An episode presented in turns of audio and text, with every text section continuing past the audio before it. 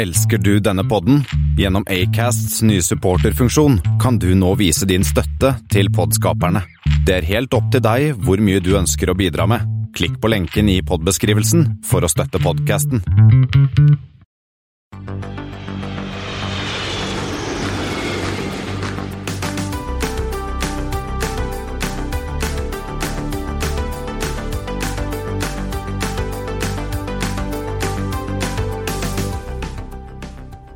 Hei og velkommen til flight 134. Det har blitt tirsdag 24. november og én måned igjen til julaften.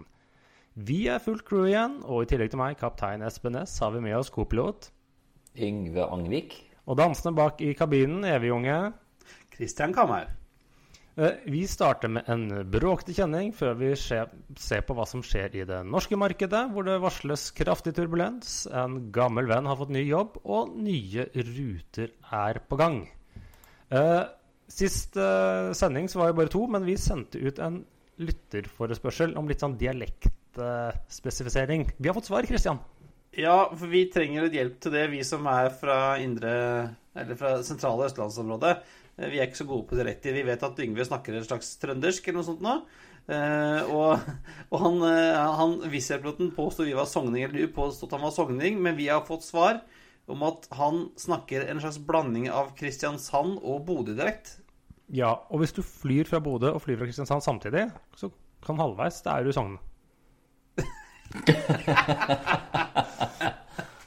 det ville. Rudy Guliani argumentert med. Ja, det, ja, eh, han ville jo påstå at han hadde vunnet også, da. Men eh, Espen, du har vært og kikket i eh, IATA-boka og funnet noen morsomme flighter til oss. Ja, eh, to lette og en håper jeg, vrang. Eh, vi begynner med den litt vanskelige. 3M 134 fra TPA til EYW. Eh, har det noe med teip å gjøre? Nei, det er ikke noe med teip å gjøre. Og lim og sånn? Nei, men det er samme land. Same land, ja. Ja, jeg skal innrømme at jeg har juksa litt, Espen. Dette her er Silver Air. Ja, som tidligere var silver, men nå har de malt flyene Rosa. Ja, rosa. Og de flyr da denne med en ATR 42, som jo var AT den bestillingen de gjorde for en halvannet eller to år siden, som ble jo ATR sitt comeback på passasjersiden i USA. For de bytter ut Ja. sine gamle Sabber, var det vel, med disse. Ja, Og- og eh, TPA er Tampa, og Ja. EYW er vel da Key West. Det stemmer. Og så er det en relativt lette DL 134, DTW til AMS. Det er Detroit til Skipol. Detroit uh, Wayne County, er det ikke det? Jo, Med Delta. Delta. Den går med en 350-900. Og så er det UA... Ja, er sånn, ja. UA134 fra EWR til ZRH. Heller ikke så vanskelig. Christian? Ja, det er United. Uh, Newark til Zürich med en 767-300. Det stemmer. Og så De har noe til felles. De går, eller? Nei, eh, United har ikke gått siden i våres. Men eh, det er amerikansk, da. De starter på det amerikanske fastlandet og slutter og må over vann for sin destinasjon. Eh, Ja, og så er det W i, i, ja, i ATA-kodene på alle tre. Ja, det sa jeg først nå. Ja. Og så er det ikke noe sammenhengende i flytypen i det hele tatt. Det er Twins, da. Twins, ATR? Ja, ja, ja, Twins. Ja. Hvilke fly er det som ikke er det i dag? Det er jo det er vanskeligere å finne. Men fra, ja, apropos Twins, så har vi jo en flytype. Ja, vi har funnet en god, gammel Jeg vet ikke om, jeg har aldri fløyet den. Har dere rukket å fly den her? Tupolev 134. Nei. Nei, ikke, ikke heller. Jeg kan huske jeg har sett den. Jeg vet ikke om Aeroflot brukte de den på Fornebu, eller var det andre russiske flyselskaper som kom inn Nei, iblant? Aeroflot hadde den på Fornebu. Ja. Jeg, jeg husker den nemlig fra når jeg var uh, i, i min ungdomstid og hagg rundt på gjerdet på Fornebu. Da kom uh, den Jeg mener å huske at den her ble var mye på St. Peters Eller Leningrad, da. Eh, back in the day. Og, og, mens eh, Moskva var vel mer 100, 154, tror jeg. Ja, og så ble den vel kanskje brukt fra Var det Malev og Lott og litt sånne ting, hvis de dukka opp på Fornebu en gang iblant? Ja, og, og CSA. CSA, ja. ja. CSA hadde jo også Alle disse østblokkselskapene hadde jo uh, Type 134, som er en slags DC9-aktig ikke, ikke kopi, for den ligner jo ikke helt, men det er samme, i samme markedet. 72-84 pax. Ja, så, så litt sånn som de små uh, DC9-ene. Og som en Ja. del russiske fly på den måten, så i hvert fall i starten da, så ble alle levert med sånn glassnese, så de kunne ta litt bilder under innflyvning. ja, det var vel noen som påstod at de satt noen der og kikka litt ned. Uh, og, og den, den, er jo sånn, den er jo bygd som en sånn eh, litt sånn eh, rough eh, kan, Som kan lande på en sånn unpaved airfield. Ja, altså på fordi- grus og gjørme og drit. Ja, for i motsetning til da liksom fly, andre fly den størrelsen, ta DC9, eh, disse Fokker 28, som kanskje er litt sånn naturlig å sammenligne med, så hadde den en sånn her double boogie bak. Ja. Så den trengte ikke, den var ikke Du kunne humpe, humpe til rullebane, gjorde, gjorde ikke noe. Det er Klassisk Sibir-destinasjon, da. Klassisk Eh, Sibir, disse ja. Mm. Uh, den ble jo bygget fra 1966 til 1989, uten at jeg helt sett, uh, sett det. Så tipper jeg kanskje de fleste ble bygget i god tid før 1989. At det kanskje ble mest bygget i starten. Men det ble jo laget 850 stykker av den. Er det noen som er igjen i drift nå, eller? Uh, det er litt uvisst. Ikke rutetrafikk, tror Nei, jo, Air Kyrio har en eller to. Og så er det en sånn maskin i noen sånn VIP-konfigurasjon nede i Syria. Ok. Så, Det Selvfølgelig. er det jeg har klart å, å finne fram. Og så er jeg litt sånn usikker hva Erik Kjorio flyr, og hva de flyr med, og når og sånne ting. Og det tror jeg de er litt usikre på selv. Så i sånn praksisting så er det vanskelig å få fløyet denne. Men det var noen av disse Air Alrosa eller noen andre som tror jeg brukte den opp til i fjor. ja. Eller en eller annen andre på det russiske innenriksmarkedet borti Sibir der. ja. Eh, og hvis du kikker på den ulykkeslista, så er det ganske mange av de som har eh, møtt en ublid skjebne gjennom årene. Ja, det er vel relativt vanlig for en del av de typene, men det handler vel kanskje litt med kultur og infrastruktur, og nødvendigvis ikke at flytypen var så veldig usikker sammenlignet med andre som var laget på det tidspunktet. Jeg vet ikke. Nei, og og volum òg. Altså, det var jo ganske mange av de som flakket seg rundt. Som sa også, Espen, eh, omtrent hvert eneste østeuropeisk flyselskap hadde jo eh, noen sånne i stallen. Ja, og sånn der Cockpit Resource Management var kanskje ikke det som heller Sovjetunionen utmerket seg som veldig positivt på, heller. Nei, kan du si. Ja, kan du si. Men eh, den er, den er jo Jeg syns Den er jo stygg, styggpen på et vis. Ja, den, den er litt kul. Hva, du, hva tenker du, hva tenker du, Yngve? Nei, altså jeg er jo veldig svak for en flytype hvor vingene er langt bak, og motorene er bakpå kroppen. Eh, så jeg syns jo den er kul, jeg, da. Eh, men jeg vet ikke om jeg ville ha fløyet den. Det er sikkert et helvetes bråk, da. Ja, det tror jeg. Det var jo på utsida i hvert fall. var det godt bråk. Og ikke vingene også er litt sånn De, de, de går litt nedover. Jeg er ikke sikker, Apropos bråk, det var jo liksom han uh, Khrusjtsjov som fikk si, han tok æren for det. Eller var initiativet, for han hadde vært nede i Frankrike. Og så hadde han sett denne karavellen, visstnok, er historien, og har faktisk fløyet den. Og den har jo også motorene bak og bråket veldig mye, men for den tiden så var den veldig stille langt framme i kabinen. Så han syntes det var så imponerende. Han sa vi må lage en sånn, vi òg. Ja, Det er jo fint når du putter motorene bak, så bråker det lite foran. deg. Det er sant, det. De, men altså, den, de, jeg måtte bare gå inn på Wikipedia-artikkelen til den eh, flytypen her. og Det er jo en voldsom mengde med ulykker. da. Det, det er ikke mange ganger det Har gått bra. disse ulykkene har gått eh, så veldig bra. Det jo, jeg tror det er to eller tre som har unngått eh, dødsfall. Av hvor mange? Kanskje 30 ulykker? Ja, vet ikke, Kanskje det ikke var så robust, da. Det vet ikke. Ja. Nei, men eh, 134 vi, om, om 20 episoder så er det Storebroren 154 vi skal prate om. Men eh, først nå, Espen, så skal vi vel eh, ut og Vi skal starte i konkurshjørnet. Vi går rett i konkurshjørnet, det er jo ikke så vanskelig å gjette seg til i dag. Nei, det er Norwegian. Nei. det. Er Norwegian. Eh, De søkte da Eller om Norwegian Air Ja, det er he International? hele, eller kanskje Det som skjedde, var da at Norwegian eh, for, forrige onsdag søkte om konkursbeskyttelse i Irland. Og det var noen som nevnte at det var en mulighet forrige uke, var det ikke det? Ja, det var noen som nevnte det, ja. Eh, for sine datterselskaper der, det primært da Arctic Aviation Assets, som da er det flyselskapet som eier og leaser inn bortimot alle eller alle Norwegian sine fly. Og så da for Norwegian Air International, NAI, som er da liksom det irske AOC-et de har hatt. Og så er det en drøss med sånne datterselskaper under der. Sånn Drammensfjorden Ja, Leasing og Oslofjorden i vest og hva ja. måtte det hete. Um, for det viste seg jo også at disse der eh, investeringsselskapene hvor, som da eier eller leaser en del fly inn, uh, de ble jo dratt med til retten i London, eller truet med retten av utleierne, fordi at eh, plutselig hadde ikke Norwegian sluttet å Eller Norwegian hadde sluttet å betale for seg. Ja, da kan man jo bli litt, litt sur, da. Ja, man eh, litt sur. Eh, og så kan man se det sånn Er dette positivt, eller er dette negativt? Og jeg tror det er, eller var, eneste muligheten Norwegian nå har for å- for å overleve. Eh, og Derfor ble det tvingende nødvendig, så derfor velger jeg å praksis og se det som en positiv ting, for det kan bidra til at de overlever.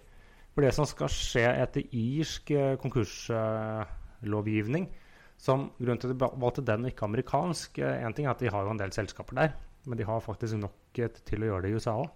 er at den er mye enklere. Den er mye billigere, mindre byråkratisk, eh, raskere enn den amerikanske. Eh, og hvorfor de ikke kunne gjøre det i Norge, er jo fordi at norsk konkursrett, slik jeg har forstått det For det første kan du ikke trenger du større flertall blant eh, kreditorene. Her holder det med at si, 50% er enig i planen til Norwegian, så er det OK. Jeg kommer tilbake til det.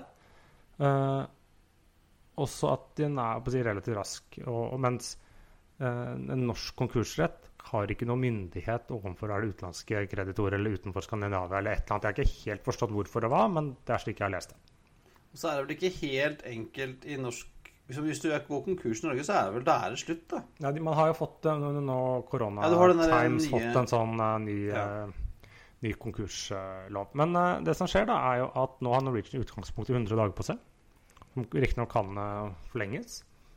Og, og det som krever at Norwegian må praksis, de må legge frem en plan til kreditorene og eventuelle investorer. Så må da som sagt, flertallet av kreditorene si ja. Og så må det komme på plass nye investorer. De må, si, de må finne en måte å få nye midler på. hvem og det skal være fra. Og så må da eh, liksom, en dommer da godta at dette har gått rett for seg, eller sånt noe. Og så da er det, er det good to go. Ja, og det er jo et uh, en, en, Et stort sånn spørsmålstegn, Espen, som du var inne på. Det er hvem skal investere? Hvor skal penga komme fra? For det må jo inn noen ferske, friske penger her. Det må inn ferske penger, og det kommer jo heller ikke ferske penger hvis ikke man blir kvitt mye gammel gjeld. Og, men det er jo også da et eh, si, dilemma som kreditorene har. fordi at hvis de blir slått konkurs og likvidert, så taper de kan, eller, De må finne en løsning som gjør at de taper mer. Eller Norwegian må finne en løsning som gjør at kreditorene taper mer på å si nei til planen til Norwegian enn hvis de sier ja. Ja. Så det er liksom størrelsen på tappet. Eh, og det er jo da de, sto, igjen de store kreditorene som får mest utbytte. Så var det noe sammenlignet med den, Ja, ikke utbytte, city, men Eller dividend, eller hva det var for. Ja, uh, så det henger jo eller på, på en måte uh, litt sammen. Men nå har det jo også skjedd at i dag eller de siste ukene er at flere av de store kreditorene, som tidligere har fått mye gjeld omgjort til aksjer, i hvert fall leasingselskapene, de selger seg gradvis ut. Eh, forrige Ja. uke ble det kjent at de største eieren, som var Aircap, eh, gikk fra liksom passerte 10 eh, på vei nedover. Det er vel nå 9,1% av Norwegian. I dag så flagget av disse Book Aviation at de var under 5% De begynte jo på 12% så de har gradvis uh, solgt seg ut. Lempa ut. Så det, det, det håper jeg kanskje kan slutte en At det er en sånn derre Slutte med det som en del journalister og en del hva skal jeg kalle det, haters der ute sier, at Norwegian er kinesisk. Nei, de har aldri vært det. Og de er i hvert fall ikke nå, fordi at et kinesisk eh, leasingselskap, kinesisk eiet leasingselskap eier 4, et eller annet prosent av Norwegian. Nei. Eh, Så får vi se da vi, og disse her Nå er jo vel På det meste så heide vel disse leasingselskapene over halvparten av selskapet, og de har jo aldri vært interessert i å være eiere. De vil jo bare lempe ut aksjene, så vi får jo håpe at nye eiere, de som kjøper aksjene nå, er, er, kan være investorer som er Nei, interessert det er det som er problemet. Det er det ikke. For nå er det masse småinvestorer og masse happy go lucky folk som nødvendigvis ikke har den milliarden til å legge inn i. Litt sånn som deg, Espen. Ja, litt sånn som meg, ja. Ja. Har du- solgt deg ut nå, Espen? Har ikke det? Norwegian. Jeg satt jo bare som Ja. eier i Norwegian i, i to dager, jeg. Ja, jeg har ti aksjer i fremdeles, og de er verdt en femmer cirka. Ja. Koster deg 29 kroner bare å selge dem, skal jeg si. Så ja, det er jo, Men da, og, det er jo en, det, og det kan jeg få en, en billett til Tromsø for. Så men av nysgjerrighet, Espen, hva kan konsekvensen være for Norwegian Air Shuttle, da? Eller i hvert Ja, fall den norske delen? Ja, fordi at den norske delen er part her. For det er jo den som Ja. de prøver å redde. Ja. Det er egentlig det som er den viktigste delen av dette er det som er morselskapet her. Eh, Og så hadde de heldigvis et uh, irsk selskap som kunne kjøre det i Irland. Så det faktisk er en mulighet å redde Norwegian. vi Ja, får, vi får se, krysse fingrene. ja. Nei, fra og, Norge ting, og en annen ting vi kan krysse fingre for, uh, Yngve, er jo den vaks, en vaksine snart. Nå er vi, nå er vi lei. Ja, men først eh, Ja, altså, vi kan jo fly litt sånn down under, da. For der er det litt mer news about the vaccine. Eh, For Qantas vil jo kreve at passasjerer i framtida må bevise at de er vaksinert mot korona før de får reise internasjonalt med flyselskapet. Og det tror jeg også Eh. blir gjeldende for andre òg. At det blir en sånn bransjenorm, slik jeg har forstått det. Ja, det ligger jo an til det, for det er jo flere asiatiske flyselskap eh, blant annet, som har vært eh, inne på tanken. Air New Zealand de eh, venter vel litt på myndighetene også der. Hva tenkte du på, Kristian? Nei, og så er det jo akkurat i disse dager nå så er det jo denne IATA Annual General Meeting, dette store IATA-møtet, som nå selvfølgelig skjer på video. Og jeg vil tippe at vi, en ting som kommer, vi kommer tilbake til dette møtet senere, men eh, jeg tror også at noe man diskuterer der, er jo nettopp et felles, eh, en felles eh, måte å se på dette med vaksine på. Og jeg tror nok at vi kommer til å se flere både flyselskaper og land som krever at du har et slags vaksinepass eller et eller annet IATA snakket nå om et sånt digitalt vaksinepass som du kunne dra. Ja. Det var, eh, ja, det var vel det Alan Joyce eh, sa til CNN også, som var eh, en mulig løsning. Men det som overrasker meg litt, er at, at eh, det er flyselskapene som er villige til å ta initiativ til et sånt ansvar, og ikke landene sjøl. Det er Flyselskapene er vel litt mer utålmodige å få dette tingene i gang. Jo, men altså, hvis, hvis, de, hvis de har de kravene, så vil det jo også kanskje bety at, eh, at markedet vil komme tregere i gang, da. Det er jo ikke sånn at alle blir vaksinert over natta. Det her kommer til å ta to-tre år, liksom, før alle er vaksinert. Eh, Jeg har, jeg vel regner vel med Espen, at de som kommer til å reise på sommerferie til Syden til sommeren, er jo alle gamlingene. Alle de gamle og syke som får vaksinen først. Ja, men jeg, Vi- jeg får se, da. Det kan jo være at det blir sånne at det blir sånne områder at liksom Europa blir en enhet. Så de har krav Sånn til vaksine inn, ja, altså Man har krav til vaksine inn til Europa. Mens blir det liksom smittes Mens da resten av Europa kjører litt sånn policy man har hatt i halve årene, at det er litt sånn grønne og gule og røde land. Og det er jo litt forståelig med, med Australia, som omtrent ikke har caser akkurat nå. Altså Når de er sea-locked, eh, så er det jo klart at det er litt enklere for dem å kontrollere den smitten som importeres og eksporteres. Ja. Så Ja, enn liksom EU, som i prinsippet er jo én fellesøkonomi, og ikke Det er lenge siden uh... Ja, Man har jo de frie, fire frihetene da, Ja. i EU som uh, legger litt sånn uh, kjepper hjulene for, eh, for akkurat det der. Men eh, jeg regner med EU vil være på ballen eh, utover vinteren, tenker jeg. Ja, ja. Og vi ser at nå I Storbritannia nå så har de også kommet med en endring at der er det jo egentlig 14 dagers karantene på vei inn til UK, men nå kan du også da, kan du da få kutta det til fem dager hvis du tar en covid-test på vei inn. Ja. Sant? Eh, Fortsatt ikke helget, helgeturen er fortsatt ikke mulig, men Nei, eh, vi, den ryker jo. så skal du tilbake igjen. da. Så det, ja.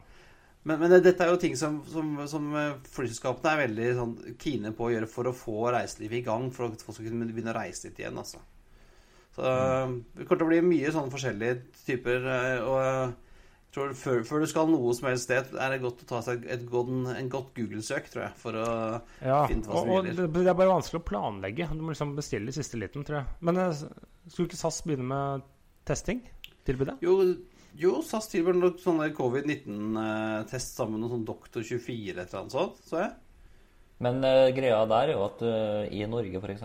så kommer du ikke automatisk ut av karantene ved en negativ test. Nei, nei, nei. Nei. Så hva, hva hjelper det? Annet enn at du får vite om du har covid eller ikke. liksom. Du må jo fortsatt sitte sperra innendørs. Ja, men det er vel det at, jo, det er vel det at Sverige noe, er det fritt det er vel det, ja, det, det er vel litt sånn uh, mer kall det si langsiktig, fordi at det er flere land som er åpent for nordmenn.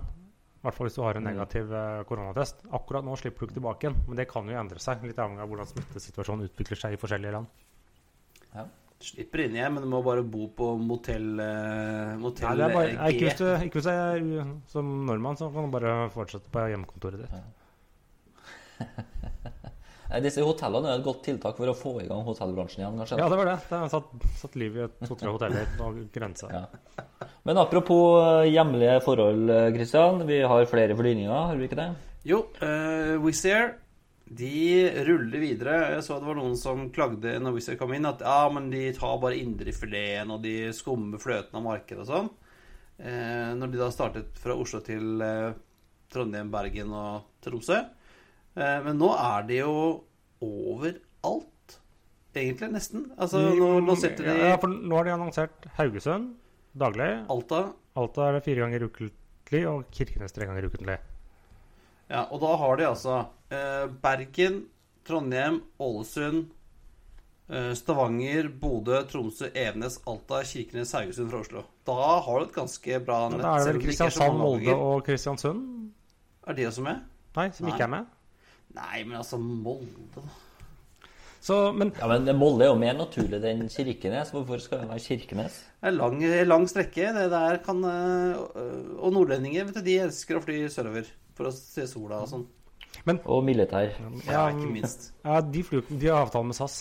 Men det som er med de Og som uh, Wizz Air nå, da, er jo at eh, De øker jo, men økningen er ikke i kapasiteten. Det er ikke en økning sammenlignet med hva de annonserte for en måned siden.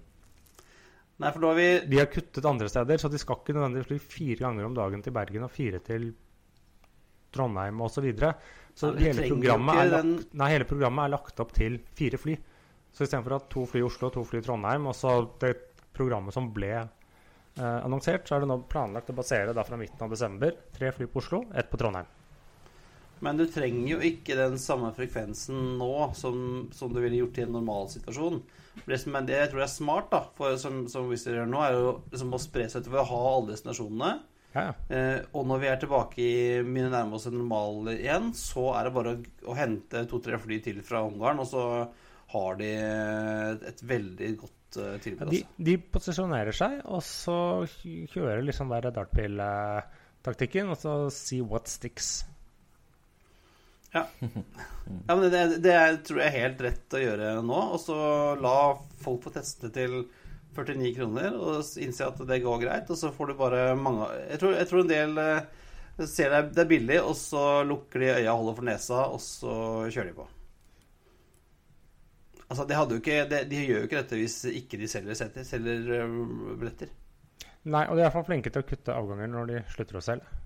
Hvis Ja, ikke Det er selger. en ren det- testing av markedet. jeg. Det er det vi kan kalle det. Det, og det kan ikke koste dem all verden heller. Jeg tror det er eh, altså, perfekt timing for å gå ut og teste det norske, norske markedet. Altså. Yes. Men Du, eh, vi mens var vi er i Nord-Norge, eh, Yngve du, Det skjedde Ja. at du har noe sånn fotball eller noe sånn idrettskonkurranse. Ja, det her er jo egentlig fullstendig uinteressant eh, for eh, dere to. Fotball i flypoden, liksom. Nei, hva, hva skjer her? Ja, og også det at F, når F-16-fly driver og eh, eskorterer noen passasjerfly, det skjer jo titt og ofte det òg eh, rundt om i verden. Men eh, det var da de ferske seriemesterne fra Bodø fløy hjem etter å ha slått Strømsgodset i Drammen. Så dukka det opp intet mindre enn Er det seks? Er det Jeg sju? tror det var åtte, åtte F-16 som uh, tok dem det siste stykket inn til Bodø, før da F-16-flyene faktisk fløy videre og skulle ha øvelse et eller annet sted. Men er, er ikke det alle vi har, egentlig? Som er operative? Ja, det var det, da. Nå blir det litt mer sånn forsvarsdiskusjon her. Men jeg tror kanskje at uh, det gir jo da en nytte, for da russerne sitter jo og ser på NRK, de også. Så da ser de at jøss, klarte nordmenn å få åtte fly eh, F-16 på en gang? Så da vet de at det har de sikkert om flere også. Så da Ja. Men eh, si litt, det er jo litt forsvarsevnen kan eh, til noe avdanka norske fotballspillere må vel være relativt god, gode, da. Men eh, det er morsomt likevel da, å se så mange gamle, grå arbeidshester fra 331-skvadronen fortsatt oppe og fly, da. Ja, fordi F-16 er på vei ut, så det ja. En, en av pilotene hadde til og med Bodø-Glimt-skjerf, visstnok. ja, inni cockpiten på den F-16-maskina. Det Men det var, var, var kule bilder, det. Ja, veldig Ja. Og så en annen ting at uh, han ene Bodø-Glimt-spilleren der, uh, som egentlig Ja, han satt vel på uh, i et hotell i karantene og fikk ikke være med på den turen, som er meget flyinteressert. Så Og spesielt interessert i F-16, og spesielt stor fan av SAS.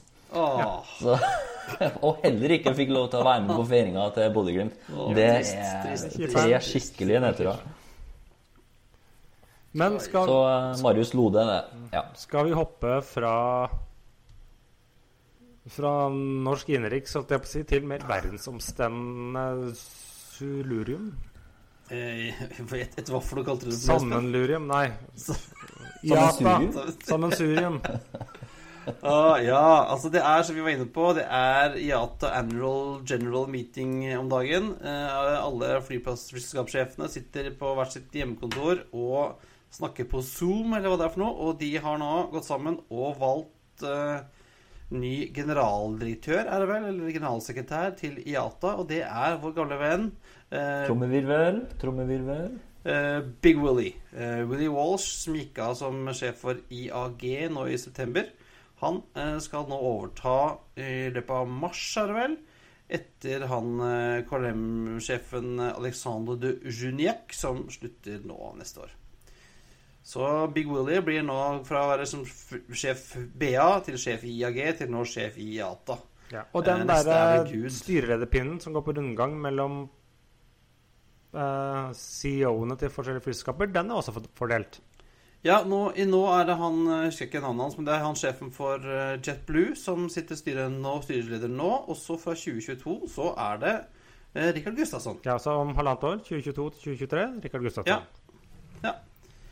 Og da var det noen som spekulerte i at det vil bli- vil bety vel at han kommer til å sitte som statssjef i hvert fall til 2023, da. Han har jo sittet lenge, han har sittet siden 2011, så han har vært der en god stund.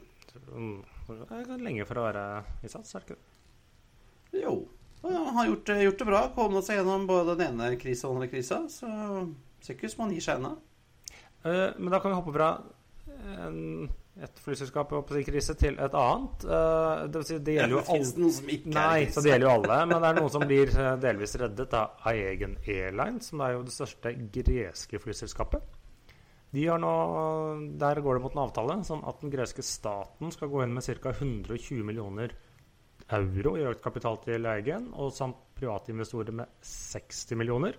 Så det blir jo sånn eh, pluss-minus uh, roughly 2 milliarder kroner i friske midler til Eigen, som de sikkert kan trenge, for de skal vel fly sånn 20 av kapasiteten sin i vinter, eh, leste jeg nå i dag. Så de fikk til det som Norwegian ikke fikk til, altså å få støtte fra staten. De eh, klarte det, ja. Ja, men vi, av eh, erfaring så er jo ikke den greske regjeringa spesielt flink med penger, da. Nei, så det, det, det, det, det kan jo godt være at- de Det er jo tyske penger eller et eller annet, så det spiller jo ikke noen rolle for dem. Var det sånn, kan vi, kan vi få Kan vi få 12 millioner euro? Eh, Her! 120 millioner, vær så god. Null stress. Ja, Men vi skal langt nord igjen da, Kristian. vi hopper, altså, vi hopper, altså, vi hopper fælt i dag. Altså, fra det ene til det andre. Fra Hellas til Alaska. For Alaska Airlines kjøpte jo i, i 19, sier nei, i 2018 kjøpte de jo uh, Virgin uh, America. Dessverre. Jeg syns det var jo et uh, veldig kult selskap. Synd at de da og kjøpte Alaska, som er flinke, men litt kjedelige. Så de overtok da øh, alle deres øh, A320-maskiner. øh, og Alaska er jo en gammel 737-operatør, så de passa jo ikke helt inn. Eh, Alaska har 51 A320 i dag, inkludert 30 som er parkert. Og nå har de da solgt ti av dem til eh, Airlease Corp, altså han eh, Steven Udvar Hazys leasingselskap. Eh, Og så hjelper de Airlease Corp til å bli kvitt noen andre fly. Ja, og da får de, tilbake, får de 13 737 maks 9 tilbake, da. Ja, Som de har i bestilling, som de skal leie fra Elis. Ja. Hva er status på de, eh, de 737-900 som de har eh, drevet og flydd rundt med? Er det, altså, De maks 9 skal bare erstatte de 900? Ja. ja erstatte og legge til og ja. Brukes der, der rundt. Eh, og så ble jo da som sagt 737 fikk jo opphevet flyforbudet sitt i USA forrige uke. Eh, det går vel har, okay, har du sett noen i drift ennå, Espen? Nei, fordi at flyforbudet generelt er opphevet. Men det er jo en sånn liten smørbrødliste med krav til både hva piloten skal gjøre, og hva de skal modifisere på flyene, for ikke snakke Ja. om alle slangene de må tømme ut av jordbrønner og alt mulig sånne ting etter stått i ørkenen. Så det tar litt tid før de kommer tilbake. Men selve det amerikanske flyforbudet er borte. Og så så jeg EASA nå var ute og sa at de regner med at innen jul så oppheves det også i Europa. Men de hadde også en sånn lang eh, smørbrødliste både på software changes, som det heter, og disse eng, eng, eng, angle of attack sensors og Og. MCAS og alt, ja. Og så Ja. er det vel noe trening de var gjennom Piloten var gjennom noe simulatortrening og sånn greier. trening av piloter. Og så var det også et sånt uh, vedlikeholds-checklist som de har stått og støva ned. Ja Så eh, til våren, da, tenker jeg at vi kan se noen. Ja, eh, slik jeg forstår det rundt omkring, så forventes det kanskje rundt jul, nyttår, første amerikanske i drift. Mm. Amerikansk innenriks er vel American som tror jeg lå første an der. Men eh, det gjenstår å se. Men eh, siden vi er overalt, vi skal til London Heathrow. Altså, i dag har vi kasta rundt overalt, Espen. London Heathrow er jo en flyplass, og det har vært i mange år helt klin umulig å komme inn på. Særlig hvis du flyr eh, små fly. Ja, men og med mindre du liksom var villig til å betale Ta nesa, sånn ja. halv milliard i, for å få en slott. Men det er da Loganair. For nå er det tydeligvis om de har fått noen gamle Flyby-slåtter eller noen av disse BA som de må gi til sånne småselskaper fordi det er en sånn konkurranseklausul. Eh, det vits ikke, men de skal da begynne å fly fra London Heathrow til Isle of Man. Og slik jeg har forstått det, så er det, om ikke det er en fotrute, så tror jeg de lokale eller lokale selvstyremyndighetene på da Isle of Man, som er en sånn øy uten fartsgrenser ute i Irskesjøen. Uh, Og uten, og uten skatter og særlig òg? er ikke så mye skatter. Uh, kommer en kjent syklist derfra. Uh, Mark Cavendish er vel født uh, oppvokst der. Der Ja, der går det en rute. Så den er, den er ikke egentlig en del av Storbritannia, men den er under dronningen. Ja. Eh, litt sånn som Kanaløyene også. Litt sånn, sånn, litt ja. sånn halvveis. De har sånn eget flagg skal- som er tre sånne bein som sparker rundt.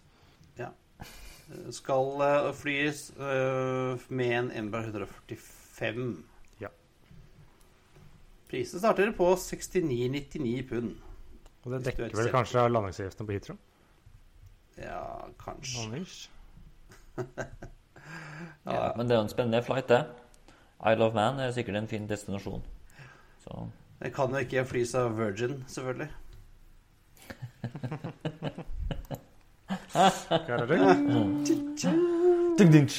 Baderomsdusj. Ja, de to øyene som ligger lengst fra hverandre, er jo Virgin Islands og Isle of Man. selvfølgelig. Det er rart med det. Ja. Ja. Og Ja, andre fra- ruter, Yngve? Uh, ja det, Nå skal vi reise et lite stykke igjen, da. Vi skal vel til eh, Den arabiske halvøy. Vi har jo snakka et par ganger om Jareds eh, fredsturné i Midtøsten. Og, Og om, eh, og Kushner, altså. Han er, han er en godgutt. Må kjappe seg Ja. nå. Det er snart slutt. Ja, ja nå, nå økes jo flytrafikken ganske betraktelig der ute. Fra ingenting Og, til ja, til ganske mye, faktisk. Det er ganske mange aktører som er i siget her nå. Om tre uker så starter El Al eh, daglige flyreiser til Dubai. Med totalt 14 uker. Nei, det er, vet, det? nei, nei nå må du huske de fly, de, når, når El Al flyr daglig, eller da dobbelt daglig, så er ikke det 14 Ja. uker, det er kun 12. For El Al flyr ikke på sabbaten. El Al flyr bare seks Ja, ganger men, i uka. men jeg, jeg, jeg har lest at det er 14. Ja, det Ja, leste jeg. Og så så jeg rutetabellen. Ja. Fordi de kaller det daglig. El Al flyr ikke på sabbaten. Nei, det, er helt, Ja. det er verdens eneste flyselskap som ikke flyr på lørdager. Ja. Det gir jo for så vidt eh, mening, det. Nei, Det gir jo ikke mening, men det er det det gjør. Fordi konkurrentene gjør jo ikke det. Både og, eh, men eh, ja. Uansett, det skjer jo da som følge av at El Al har signert en samarbeidsavtale med Etihad. Og det er en del av den normaliseringsavtalen mellom de to landene som har gjort det mulig å drive da, turisme og handel. I tillegg, som sannsynligvis er det viktigste for disse flightene, at Saudi-Arabia har åpna luftrommet sitt. Men i tillegg da, så er det Nå må dere hjelpe meg med uttalen her, gutta. Arkia Ja. og Israel. Israel. Ja. Israel Israel. og Arki, er det ikke det? For det er to sånne mindre eh, Ja, De har også planer om å starte flyvninga til Emiratene tror fra og med neste måned. Nei, ja, slutten av november, var det ikke det? Eller var det desember? Uh, ja Nei, kanskje det var det i uka her, kanskje? Jeg lurer på det. Ja, nå, Innen jul, la oss kalle det det. Ja, ja. I nær framtid, kan vi jo si det. Og det betyr at det begynner å bli ganske folksomt i luftrommet over den arabiske halvøy akkurat nå. Ja, for da kan vi legge til da Fly Dubai skal også begynne å fly to ganger daglig. De feeder jo, de er jo sånn regional på egentlig Emirates Regional, kan man nesten gang kalle det. Så det blir jo seks daglige mellom Tel Aviv og Dubai. Pluss da Ja, det, det er Fly Dubai som starter i overmorgen. Altså torsdag, da. Ja. Torsdag denne uka. På thanksgiving. Jeg tror ikke de på torsdag? Ja, ja. ja, mulig, ja, men jeg tror ikke de feirer at de, de blir kvitt indianerne nede i Midtøsten, altså. Og spise kalkun. Nei, nei, nei. nei. Det kan hende at Jared hadde noe med dette å gjøre, selvfølgelig. Jeg skal ikke se bort fra det. Men altså, det er jo masse nye flighter eh, mellom eh, Israel og, eh, og Midtøsten, Midtøsten eh, altså Emiratene og sånn. Men altså, er det noen som, er det noen som vil reise der? da? Altså, er det ikke, er det ikke covid, der, eller? Jo, det er jo litt som i Wizz Air i Norge, at de posisjonerer seg, tror jeg. Og at her er det et stort marked, for det blir jo liksom snarveien til Asia for mange, mange her. Ja. ja. Har noen av dere gutta vært i Tel Aviv, eller? Jeg har ikke vært i Tel Aviv eller Dubai eller Abu Dhabi. Så Er det noe å reise til, tror du? jeg har, Hvis du leser sånne reiseanmeldelser eller noe sånt nå, så hva på å si, er eller var visstnok Tel Aviv en sånn bra partyby. ja. Ja. At Noen sier at utelivet der er bra, men som en uh, småbarnsfar i Asker, så er det kanskje ikke utelivet som er eh, det som står høyest eh, på prioriteringslisten. Ja, men Det er visst et spennende, et spennende land, da. Uh, smeller litt av og til, men sånn, det må du bare, det, sånn er det bare. Sånn, det må du bare tåle. Ja, jeg tror ikke, jeg tror ikke det roer seg med det første, med disse smellene. Uavhengig av om Jared er der eller ikke. Men jeg tror vi begynner å Nå har vi vært overalt, så skal vi Har vi noen anbefaling, Christian? Jeg har en anbefaling. Jeg har kjøpt en bok. Eller en slags bok. Eh, det er mer som et litt sånn tjukt magasin, tenker jeg. Og dette er altså boken som heter eh, Jeg husker ikke hva den het, men det er altså eh, han, vår venn Rob Mulder, som har vært gjest før. Ja. Han skriver jo veldig mye luftflyhistorie fra tidlig norsk luftfart. Og han har også skrevet et lite hefte, kan man kalle det, om Pan Am i Norge. Fra Ja. 1935 til 1991.